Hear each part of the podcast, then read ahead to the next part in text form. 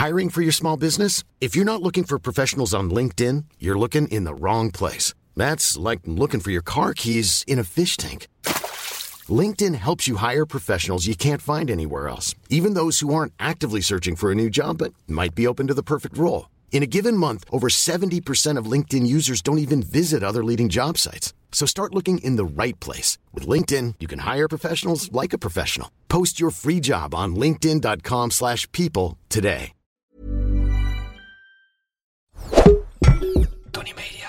Het is oorlog in Europa. Gaan we allemaal dood in een kernoorlog? Nee, ik denk het niet. Gaat deze oorlog de wereld veranderen? Dat weet ik zeker. Met deze podcast probeer ik grip te krijgen op de oorlog. Elke dag houd ik hier op de hoogte van de situatie in Oekraïne en Rusland. Ja, vandaag extra goed geluid. Ik eh, zit in een uh, radiostudio bij de VPRO. Ehm, ik ben in het VPRO-gebouw om te praten over een uh, nieuwe serie die ik ga maken samen met Ruben Terlouw over Centraal-Azië. Ik hoop in juni richting Kirgizië te gaan voor de eerste aflevering. Ja, ik heb heel veel zin in, uh, in die nieuwe serie. Moet dan even bedenken hoe ik dan een podcast in Kirgizië ga maken. Maar goed, wie weet is die oorlog dan wel gewoon voorbij. Um, dit is wat er gebeurde op dag 33 van de oorlog. Oké, dan ga ik eerst nog even terug naar dit weekend. Um, toen was er een interessante persconferentie van het Russische leger. Volgens een woordvoerder ging alles volgens plan. Nou, vind ik dus vrij bizar. Uh, nadat er 10.000 doden ongeveer al zijn gevallen aan Russische kant. Maar interessanter vind ik dat hij vertelde dat het hoofddoel van deze, wat hij noemt, militaire operatie. Het hoofddoel is de bevrijding van de Donbass. En de Donbass is het gebied in het oosten van Oekraïne, bestaande uit de provincies Donetsk en Lugansk. Die provincies zijn in feite al grotendeels in handen van uh, Rusland, of in dit geval Russische rebellen, sinds 2014. En daarmee lijkt het Russische leger de doelen te hebben bijgesteld. Want aanvankelijk ging het echt om een andere regering in Kiev. Vandaar ook die aanvallen op Kiev. Maar die doelen lijken nu bescheidener te zijn geworden. Al weet je natuurlijk nooit of ze het menen of niet. Maar het zou goed kunnen. Het zou kunnen dat het Kremlin gewoon wat meer realistisch is geworden um, in de verwachtingen van deze oorlog. En dat ze beseffen dat meer simpelweg niet haalbaar is. En dat heeft natuurlijk ook gevolgen voor het slagveld. In Mariupol wordt nog steeds hevig gevochten. En dat is een belangrijke plek, vertelde ik al eerder, omdat het een verbinding vormt tussen de Krim en de Donbass. Maar in het westen van Oekraïne is het relatief rustig. Ik zag het weekend bijzondere beelden uit Kiev. Ik zag een markt die weer open ging. Ik zag mannetjes uh, schaken. Iets wat je vaak ziet in de steden op, uh, op zondag in de voormalige Sovjet-Unie. Ik zag ook een uh, tweet van een lid van het Oekraïnse parlement. Die had net koffie ergens gehaald met havermelk. Ja, om een van de reden dacht ik, wauw. Je kan gewoon een cappuccino met havermelk halen in Kiev. Dat gaf me toch ook wel weer wat hoop. Uh, dat en dat de scholen vanaf vandaag weer open gaan. Uh, het zij uh, online, maar ze zijn wel open in Kiev in ieder geval. Laten we hopen dat dat zo blijft. Dat bijstellen van die plannen van de Russen is ook veelbelovend voor de vredesbesprekingen. Die vinden de komende drie dagen plaats in Turkije. Vorige week waren al die besprekingen online en nu zijn ze weer face-to-face. Dat is toch ook weer een stapje vooruit. En ik hoop dat daar dan eindelijk concrete resultaten uitkomen. Omdat die oorlog zo slecht verloopt voor de Russen, moet Rusland militairen en materieel uit andere gebieden halen. En dat doen ze onder meer uit Nagorno-Karabakh, waar Russische soldaten zaten voor een vredesmissie. Uh, Karabach wordt sinds het uiteenvallen van de Sovjet-Unie al betwist door Armenië en Azerbeidzjan.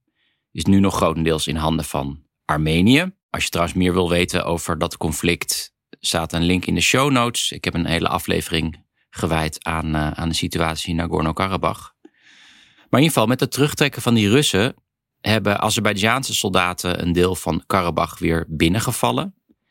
Ja, en dit laat zien dat die oorlog in Oekraïne grote gevolgen heeft voor andere plekken in de voormalige Sovjet-Unie. Oh ja, dan nog dit.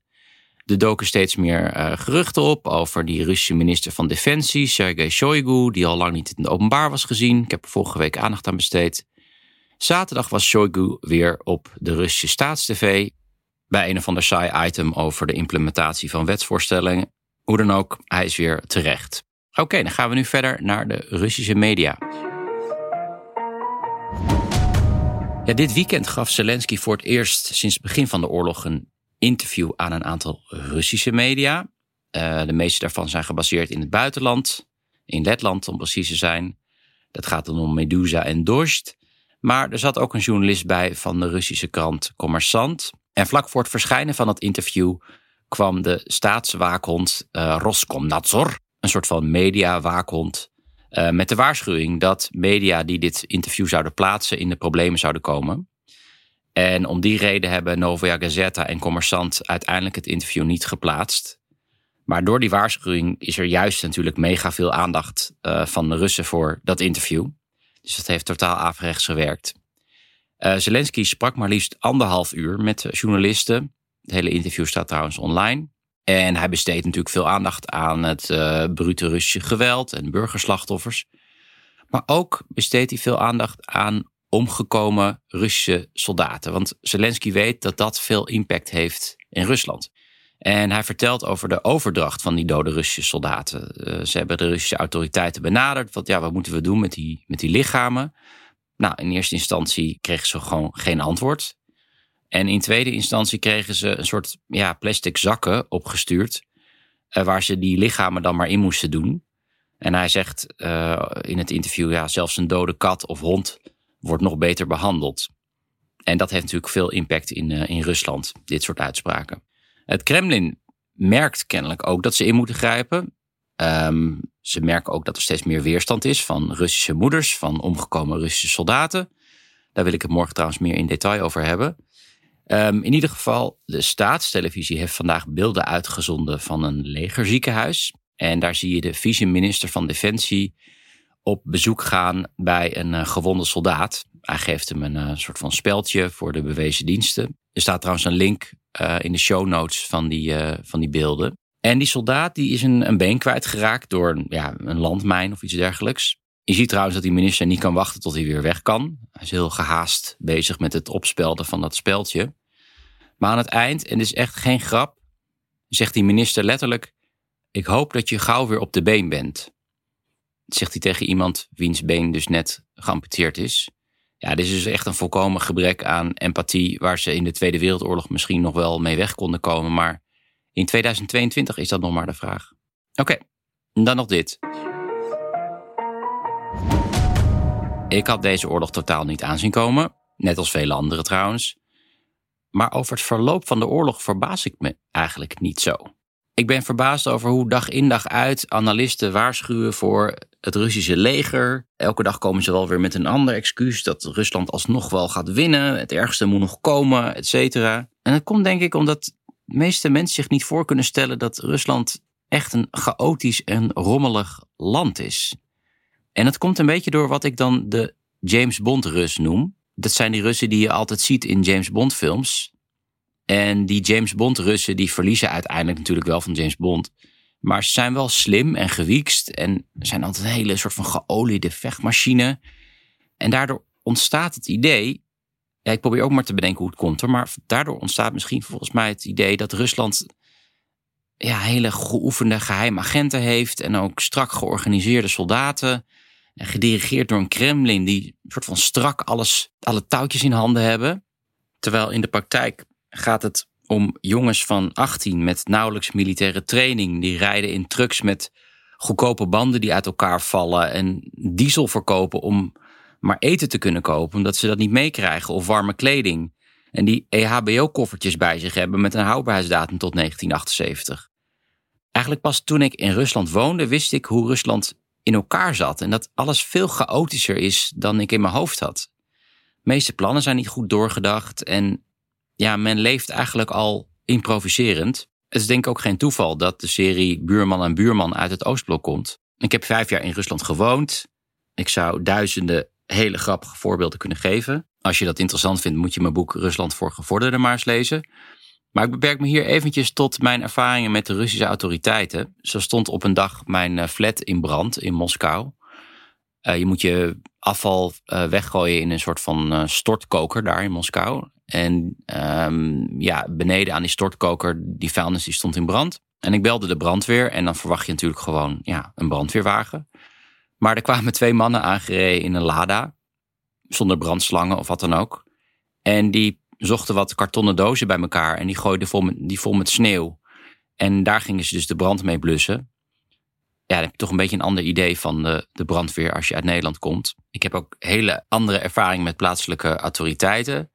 Zo maakte ik ooit een reis naar rendierhouders. Helemaal in het noorden van Rusland, in de buurt van Nova Zembla. Heel moeilijk begaanbaar terrein, was toendra. En eigenlijk de enige manier waarop je daar op kon rijden was met een, eh, ja, een soort van tank. Eh, maar dan met zonder loop, een soort van rupsvoertuig. En um, ja, die kon ik dan lenen van de burgemeester. En dan verwacht je toch ook een soort van professionaliteit. Maar ja, de chauffeur van het rupsvoertuig was stomdronken. Wat op zich niet heel veel uitmaakte, want we zaten in een soort van tank. Dus die reed gewoon overal overheen. Als er ook als af, toen een klein boompje stond, dan reed hij er overheen. Maar toen waren we midden op die toendra en toen hadden we ook pech met die tank. En we hadden ook geen gereedschap bij ons. Er was een radiatorbuis gesprongen. Uiteindelijk hebben ze dat dus gerepareerd met de, een rolletje leukoplast van, uh, van de fotograaf met wie ik reisde. En ook die veiligheidsdiensten zijn echt niet zoals in een James Bond film.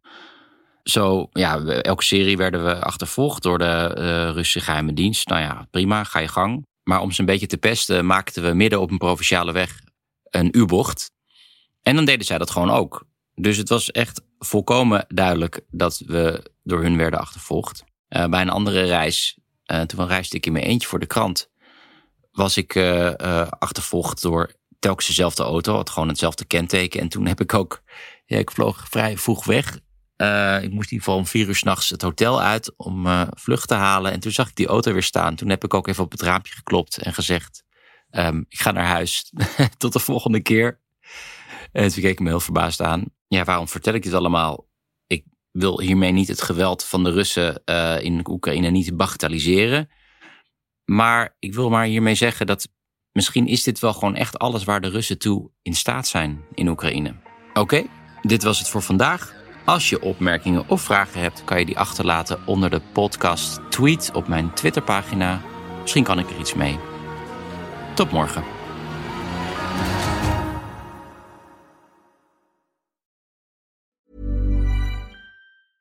Normally, being a little extra might be a bit much, but not when it comes to healthcare. That's why United Healthcare's Health Protector Guard fixed indemnity insurance plans, underwritten by Golden Rule Insurance Company, supplement your primary plan so you manage out of pocket costs. Learn more at uh1.com.